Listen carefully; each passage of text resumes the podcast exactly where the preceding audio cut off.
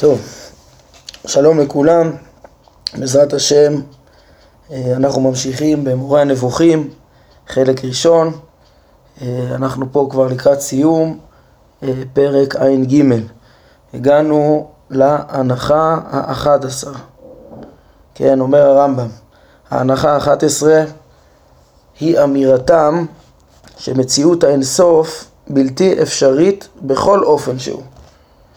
ביור הדבר, כן, הרמב"ם אה, אומר שהמדברים סברו שבכל אופן אין דבר כזה במציאות אה, אין סוף. אה, והוא הולך להסביר קודם כל מה, כן, עכשיו לבאר, מה, קודם כל מה מוסכם, מה גם הפילוסופים מודיעים, איזה אין סופים לא יכולים, יכולים להיות במציאות. ואחר כך הוא יסביר, כן, אחרי שנבין את סוגי האינסוף השונים, אה, נראה גם מה חידשו בעצם בהנחה שלהם אה, המדברים פה, אה, שהם גם כן סוברים שגם, כן, אין סוף, בכל אופן שהוא אפילו באופן הזה, כמו שנראה, הוא לא קיים. אולי לפני שאני נכנס לזה, אני רק רוצה לציין שההנחה הזאת היא קצת עניין בפני עצמו, כן, בשונה מכל ההנחות הקודמות, הנחה הראשונה עד העשירית של המדברים, אה, שזה היה מערכת שלמה של הסברת המציאות, שראינו שהיא אה, הייתה הסברה של המציאות באופן כזה שמבטל את חוקי הטבע ומאפשר, אה, כן, מביא את, את התפיסה המציאותית למצב כזה ש, שאפשר ל... לומר על כל דבר דמיוני שהוא אפשרי, שכל מדומה אפשר, והכל היה מערכת אחת שהסתכמה בסוף בהנחה העשירית שלמדנו עליה, אה, שכל מדומה אפשר, והנחה מרכזית שהיא בפני עצמה זה ההנחה האחת שנראה עכשיו.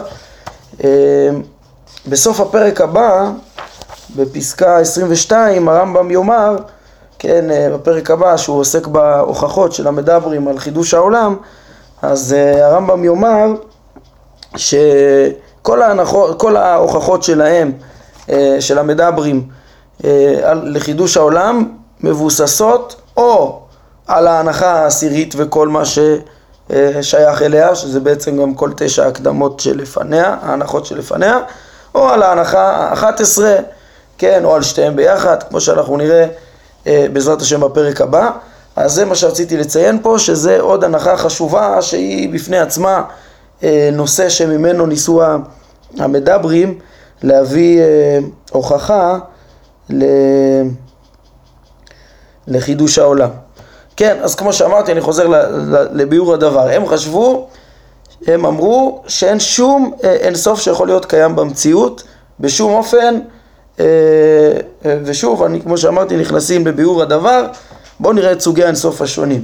אומר הרמב"ם, כבר הוכח מה שמוסכם, כן, במדע של פעם אה, אה, על ידי אריסטו, הוכח שבלתי אפשרית מציאותו של גודל אינסופי. כן, איזשהו גוף עם גודל אינסופי זה דבר בלתי אפשרי. כן, זה, אנחנו נראה את זה בהנחות שהרמב"ם ילמד אותנו בתחילת חלק שני. גם את הטענה הבאה, שהרמב"ם אומר שהוכח גם שבדומה לזה גם מציאות גדלים שמספרם אינסופי, גם אם כל אחד מהם בעל גודל סופי, כן, אה, בתנאי שאותם גדלים אינסופיים נמצאים בו זמנית, זה גם דבר שהוכח כלא קיים, כן, זאת אומרת בזמן של, אה, כן, אריסטו אה, הבין שהמרחב, המקום הוא מוגבל ולא יכול להיות אה, אה, גודל אינסופי וגם לא אה, אינסוף אה, פרטים בעלי גודל שבעצם יוצרים, צריכים מרחב אינסופי אז כן, הדברים האלה בעיני הפילוסופים נחשבו מוכחים ומוסכמים כן, וזה לא המדברים היו צריכים לחדש. אנחנו לא נעמיק בפילוסופיות שלהם, איך הם הוכיחו את זה, הרמב"ם לא בא להסביר את זה פה במורה גם בחלק שני הוא יביא את זה כקביעות ולא יביא את ההסבר לזה. מי שמעניין אותו הסבר לזה אפשר למצוא אה, בספר אור השם, רבי חסדאי אה, קרסקס, אה, שם הוא אה, מביא את כל ההנחות הפילוסופיים אה, שהרמב"ם מביא בתחילת חלק שני וגם מביא את ההסברים להם, על מה זה מבוסס. אנחנו נסתפק פה בהבנה ש, אה, ש, ש, של ההיגיון של זה, שאפשר לתפוס את זה באינטואיציה. אה, פשוט עצם ההבנה ש...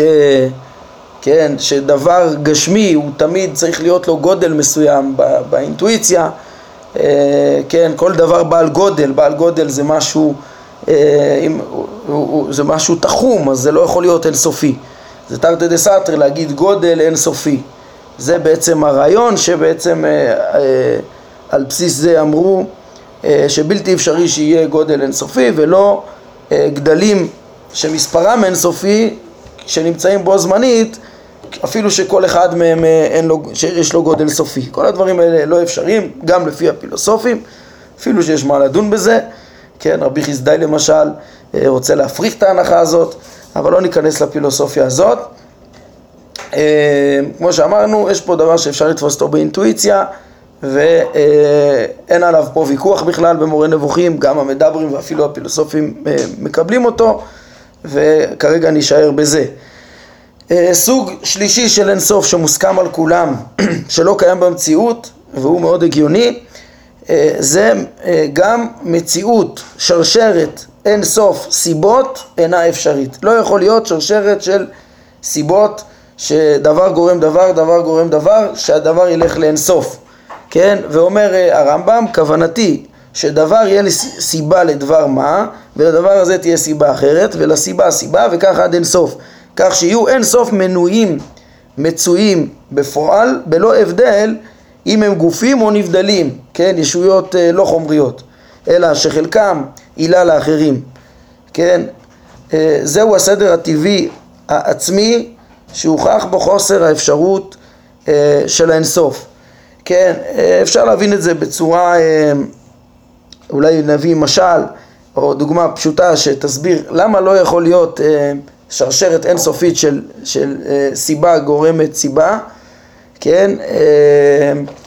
למשל, אם נגיד תנאי כזה, יש דברים שצריכים לעבור גשר, אבל יש תנאי שכן, אה, יש פה איזשהו מישהו צריך לעבור את הגשר, אומרים לו אתה יכול לעבור את הגשר בתנאי שיעברו אה, אין סוף אחרי שיעברו אין סוף אה, העצמים, לפניך תוכל לעבור גם כן את הגשר. כן, במקרה כזה, כיוון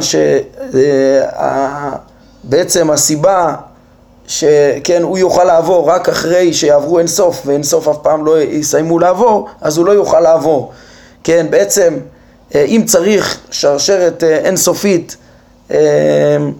שדבר יגרום דבר, דבר יגרום דבר, כדי שמשהו יקרה, אז, אה, אז בעצם הוא אף פעם לא יקרה, כן? או אם נתחיל הפוך, כן? כמו שהרמב"ם התחיל פה, אם דבר קיים, לא יכול להיות שאין סוף סיבות היה צריך אה, שיקרו עד שהוא אה, יבוא לידי מציאות. כן, אם הוא בא לידי מציאות, כנראה שיש שלשלת סופית של סיבות, יש התחלה לסיבות אה, שבגללה הוא מצוי. זה בעצם האין סוף הזה. השלישי, שהוא מאוד הגיוני, שבאמת לא קיים אה, אה, דבר כזה, שרשרת אינסופית של סיבות. עכשיו, יש, אומר הרמב"ם, יש גם אינסופים שלא, ש, שאי אפשר להגיד בפירוש באופן מוכרח אם, אה, אם הם קיימים או לא, וזה אומר הרמב"ם, אשר למציאות אינסוף בכוח או במקרה, כן, לא מציאות של אינסוף עצמים בפועל בו זמנית, אלא אינסוף בכוח, כן, אז אומר הרמב"ם, יש שיהיה, שיהיה אפשרות, שיהיה כמו שנראה בזמן, דבר אחר דבר, שבמקרה בסוף מצטרפים כל ה... אם תצרף את כל, ה, אה, את כל המקרים, אה, את כל ה... תספור את כל הזמנים, אז במקרה יצטרף לאינסוף, אבל הם לא בו זמנית, כן? אז יש ממנו מה שמציאותו הוכחה, או יש דבר כזה מציאות ב... ב, ב של אינסוף במקרה שכבר, ש, שהוכח שזה קיים, כן? והרמב"ם אומר, כמו שהוכחה חלוקת דבר בעל גודל עד אינסוף בכוח, וחלוקת הזמן עד אינסוף. או, זה דבר שכמובן אה, אה, רק לפי הפילוסופים הוא נכון, ראינו כבר שלפי המדברים אי אפשר לחלק את הזמן עד אין סוף, כן? וגם את ה... אותו דבר, את ה... אה, כן, את, את השטח. אצל המדברים יש אטומים. אז, אבל לפי הפילוסופים זה דבר שהוכח, המציאות היא רציפה, ככה הם מתייחסים לזה, והרמב"ם מקבל את הדברים שלהם, המציאות רציפה, ובאופן תיאורטי, גם אם לא מעשי, אם לא יהיה לנו סכין מספיק דק ל- ל- לחתוך את המציאות לאין סוף, כן, ולא יהיה לנו, אבל באופן תיאורטי המציאות רציפה ואפשר לחלק אותה ולחלק את המקום לאין סוף, כמו שבציר המספרים אפשר תמיד ל- ל- להגדיר מספר אה, קטן יותר וקטן יותר וקטן יותר לאין סוף. אז, אה, אז בעצם זה סוג של מציאות אה, אינסוף בכוח שהרמב"ם סובר שהוכח הדבר הזה, גם הזמן רציף וממילא יכול להתחלק באופן תיאורטי לאינסוף וגם המרחב. אה, אז לוקחים קטע מסוים, אז כן, גם אם הם סברו הפילוסופים שכלל היקום הוא מוגבל, אבל החלוקה שלו תמיד, בכוח, לא בפועל, אבל באופן תיאורטי אפשר לחלק אותו לאינסוף. אמ, כן, אז זה סוג אחד שהרמב"ם אומר שכבר אה, הוכח שדווקא קיים הדבר הזה, כן? וזה נגד אה, מה שהמדברים רוצים לומר שלא קיים, לא קיים כמו שקראנו פה בהנחה, אין שום סוג של אה, אינסוף שקיים, כן? ככה הם טוענים, אז הרמב"ם פה טוען שהוכח הפוך מהם בפרט של האינסוף הזה ויש גם, יש סוג של אינסוף בכוח או במקרה, שיש ממנו נושא לעיון, כן? והוא מציאות אינסוף בזה אחר זה. אה, כמו שהתחלתי לדבר עליו, כן? והוא המכונה אינסוף במקרה. כן? כנראה את אה, חלוקת המקום והזמן, הרמב"ם קורא אינסוף בכוח, ו, ולחלוקה אה, ולאינסוף ש, שיכול להיות במקרה, כן? לאינסוף של המשכיות הזמן שיקרה דבר אחר דבר, בזה אחר זה, אה, לאינסוף, זה הוא קורא אינסוף במקרה. כן, והרמב"ם מסביר את זה, מדובר במציאותו של דבר לאחר היעדרו של דבר אחר, ושל הדבר האחר לאחר היעדרותו של דבר שלישי, וכך עד אינסוף. בזה יש מקום לעיון עמוק מאוד, האם זה אפשרי או לא אפשרי. כן, לפי הפילוסופים, לפי אריסטו, אנחנו נראה בעזרת השם תחילת חלק שני בהקדמה הכ"ו אנחנו נראה שלפי שיטתם לא רק שזה אפשרי הם ממש מניחים שככה המציאות ככה הם מבינים אותה הם חושבים אולי שזה מחויב כן? הרמב"ם מתייחס לזה כדבר אפשרי כמו שאנחנו נראה אה, לא, והמדברים מתייחסים לזה כדבר נמנע כן? לדעתם אין דבר כזה. אה, אומר הרמב"ם, כן, שוב, מדובר ב... למשל, מה שהפילוסופים אמרו את זה כלפי סיבובי הגלגל, גלגלי השמיים שמסתובבים לדעת הפילוסופים הם נצחיים, כן, למדנו על זה כבר אה, את התיאור הזה, הסיבוב הוא נצחי, הוא תמיד היה ותמיד יהיה לדעתם, כן, אה, גם לפי הרמב"ם הסיבוב הזה הוא מתנהג כמו נצחי, יום אחד הבורא אמנם ברא אותו כן, בששת ימי בראשית נברא, נבראו כל המציאות כולה, שמיים וארץ, אה, ואז המציאות התייצבה, למדנו על זה פרק אה, ס"ז אולי, ס"ו, אה, כן, על, הש, על השביתה, שביתה, ס"ז אני חושב, כן, שביתת השם, שהוא ייצב את המציאות, כן, פרק ס"ז. אז אה, עיצב את המציאות וכן, אה, אה, מאז היא עומדת וככה לא, לא משתנה, הסיבוב הגלגל הוא קבוע.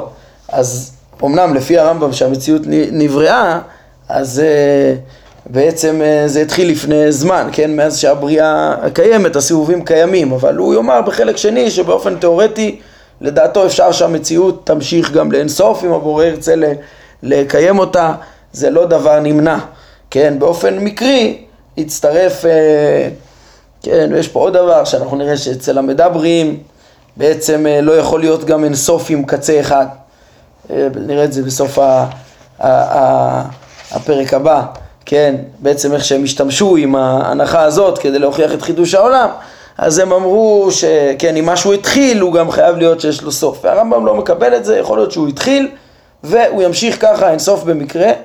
זה דבר אפשרי, כן? אז uh, על כל פנים, בקיצור, uh, זה מה שמכונה אין סוף במקרה. בואו נעשה רגע סדר, uh, מה ראינו עד כאן? המדברים רוצים לטעון שכל אין סוף בלתי אפשרי. מתחיל הרמב"ם למנות איזה uh, אין סופים קיימים, והוא מתחיל קודם כל בשלוש אה, אה, שלושה סוגים של אינסוף, שגם אה, הפילוסופים מודים שהם לא קיימים, זה בעצם דבר בעל גודל אינסופי, או אינסוף דברים, פריטים בעל גודל, אפילו שגודלם של כל אחד ואחד סופי, שיהיה הכל בבת אחת, מקום אחד, זה בלתי אפשרי, גם לפי הפילוסופים. חוץ מזה, שלשלת סיבתית של דבר קיים, לא יכול להיות שלדבר קיים יש שלשלת סיבתית אינסופית. וזה שלושת המוסכמים על, על ידי הפילוסופים בצורה פשוטה, חוץ שהם לא קיימים. לעומת זאת ראינו שיש אינסוף בכוח ש, שבאופן תיאורטי לחלק את הזמן או את המקום, אה, כן, ציר ה-X או ציר ה-Y כציר, אה, זה אפשרי, וזה הוכח שזה אפשרי לדעת הרמב"ם, לעומת המדברים שסוברים שזה לא קיים. והנקודה שיש עליה ויכוח, שהרמב"ם טוען שאין בה שום הוכחה, זה האם יכול להיות אין סוף של מקרים בזה אחר זה, כמו סיבוב הגלגל הנצחי, שהגלגל מסתובב ומסתובב ומסתובב, סיבוב ועוד סיבוב ועוד סיבוב. אה, בהווה כל פעם אה, אה, אנחנו רואים את הסיבוב, אבל האם יכול להיות שזה היה מאז ומעולם ותמיד יימשך?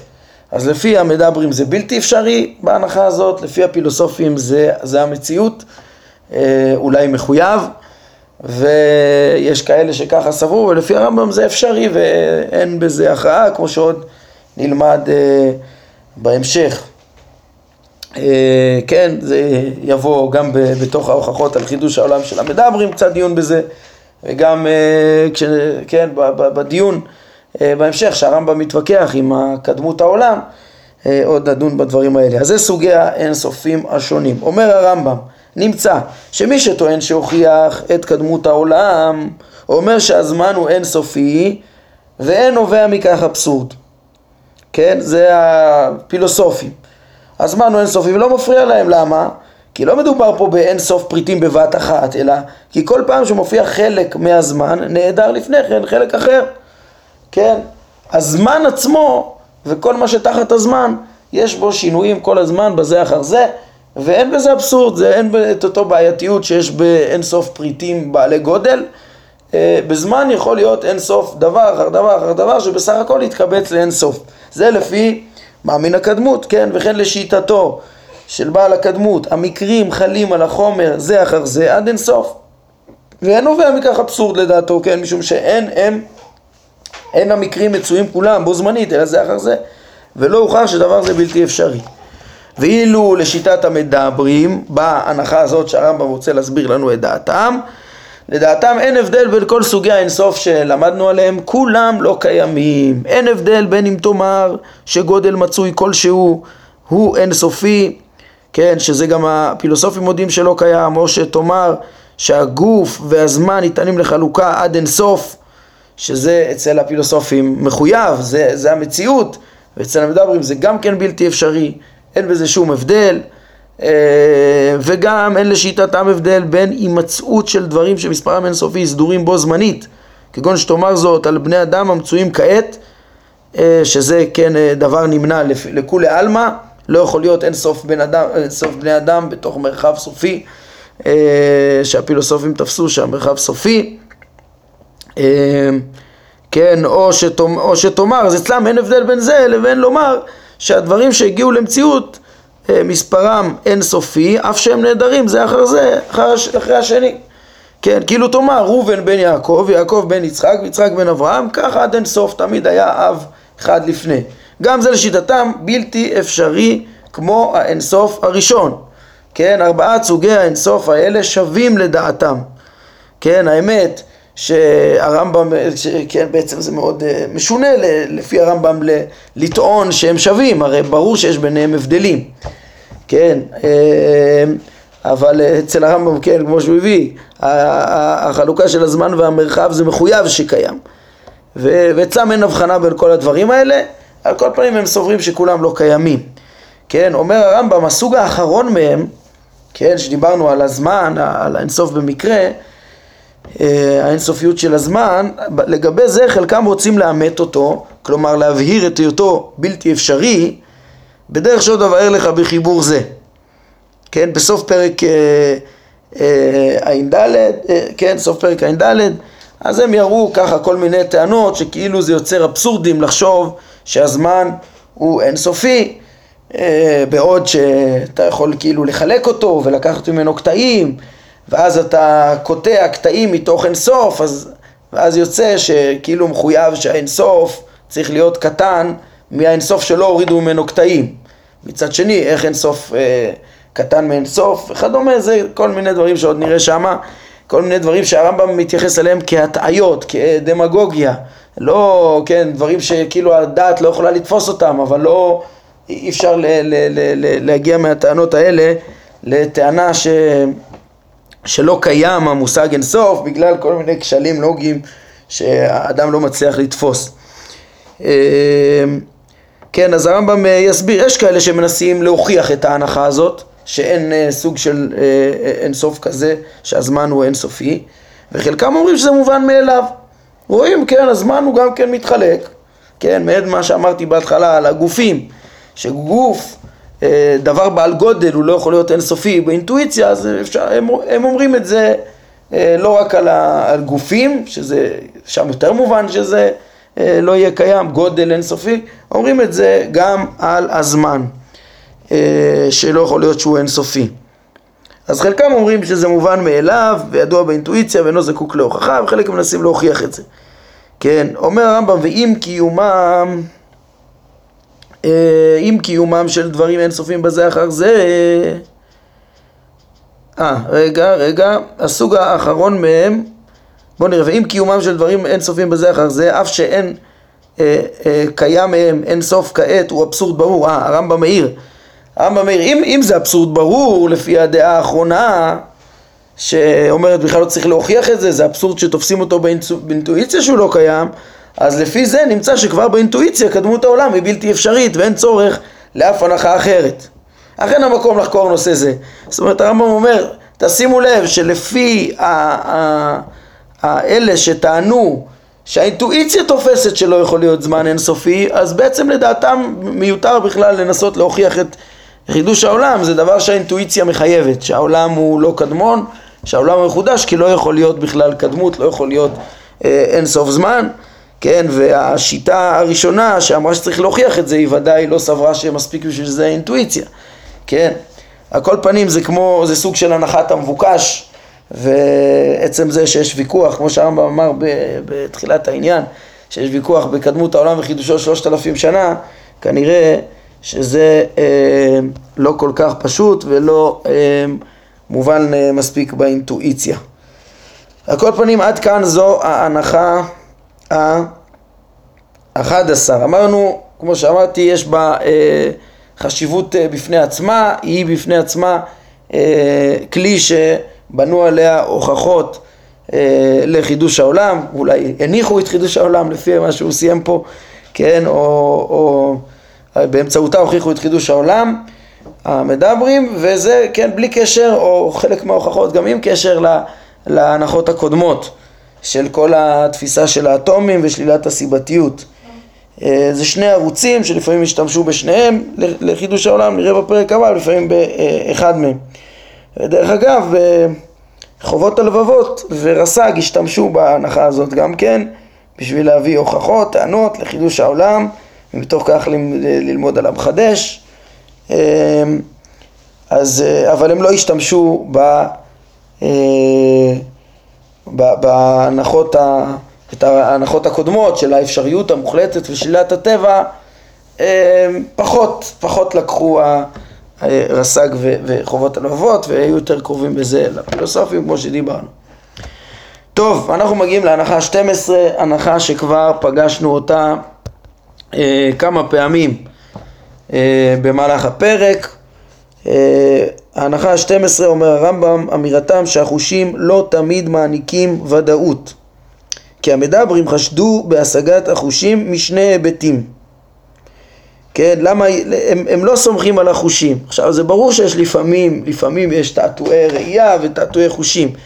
וכבר ראינו שהמדברים לקחו את זה לקיצוניות יחסית גדולה, עיקר הביקורת של הרמב"ם זה שהם ממש אה, כבר נהיו לא אובייקטיביים, כאילו מראש הם הניחו את הדעות שלהם אה, על פי מה שרצו להוכיח, על פי המטרות שלהם, ולא לא, לא ניסו, אה, כן, ל, ל, ל, מראש השיטה לא, לא באה מתוך עתירה לאמת, מספיק אובייקטיבית.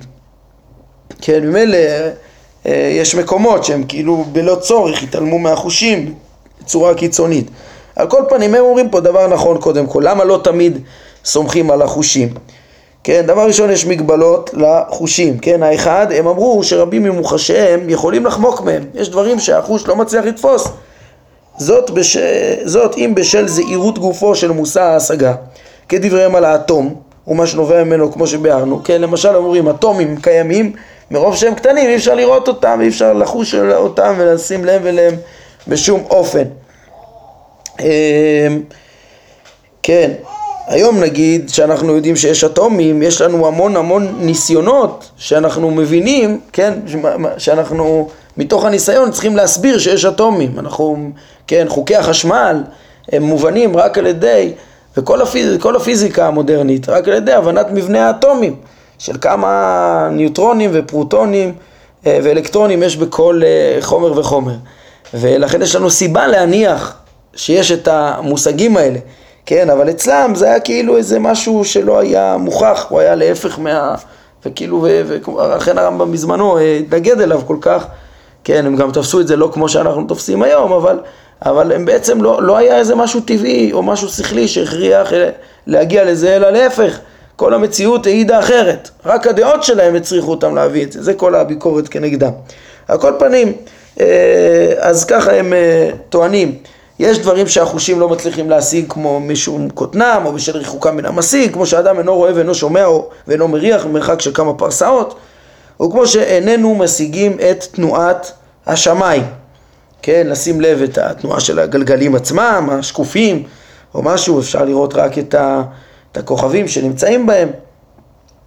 כן, על כל פנים, זה אה, קודם כל, אה, יש דברים שהחושים לא מצליחים לקלוט, זה המגבלות של החושים, חוץ מזה, ההיבט השני שבגללם הם מפקפקים וחושדים בהשגת החושים זה שהם אמרו שהחושים טועים ביחס למושאי השגתם. יש ממש מקומות שהם טועים גם, גם יש דברים שהם לא קולטים, יש דברים שהם קולטים לא נכון, לא כפי שהם, כן, זה גם נכון באופן עקרוני.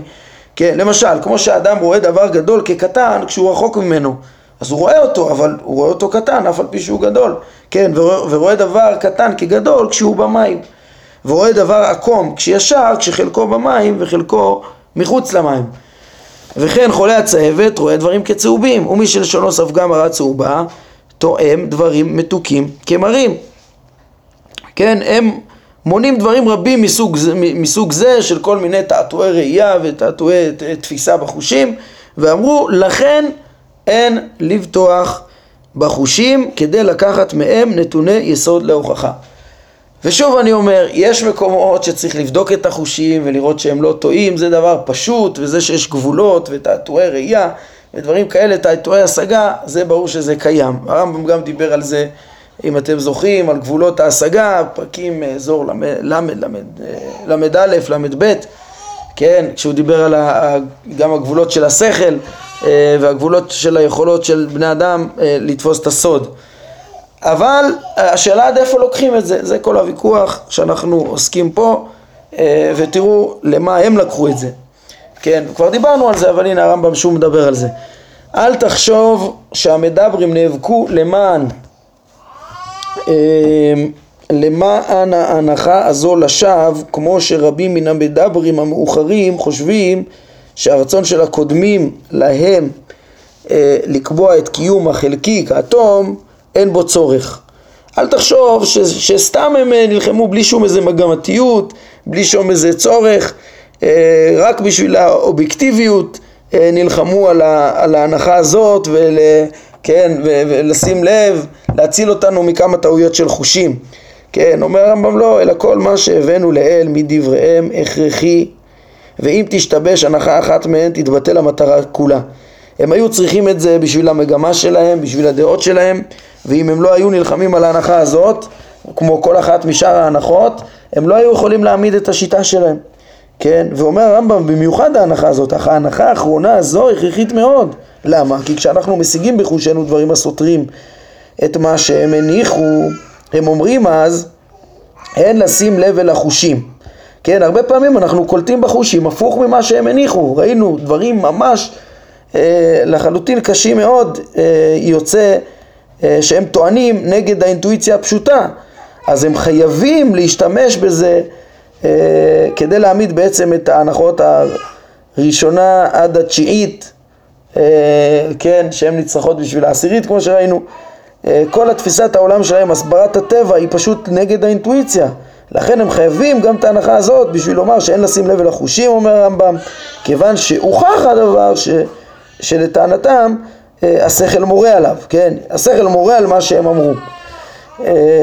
כן, למשל, ואומר הרמב"ם, כל מיני אבסורדים שהם היו חייבים את ההנחה הזאת, זה דברים שכבר פגשנו, כטענתם על התנועה הרציפה שמשולבות בה מנוחות. בתוך תנועת חץ וכל דבר מהיר יש באמצע מנוחות, הרבה מנוחות, רק שלא קולטים את זה, כן, לפי דבריהם.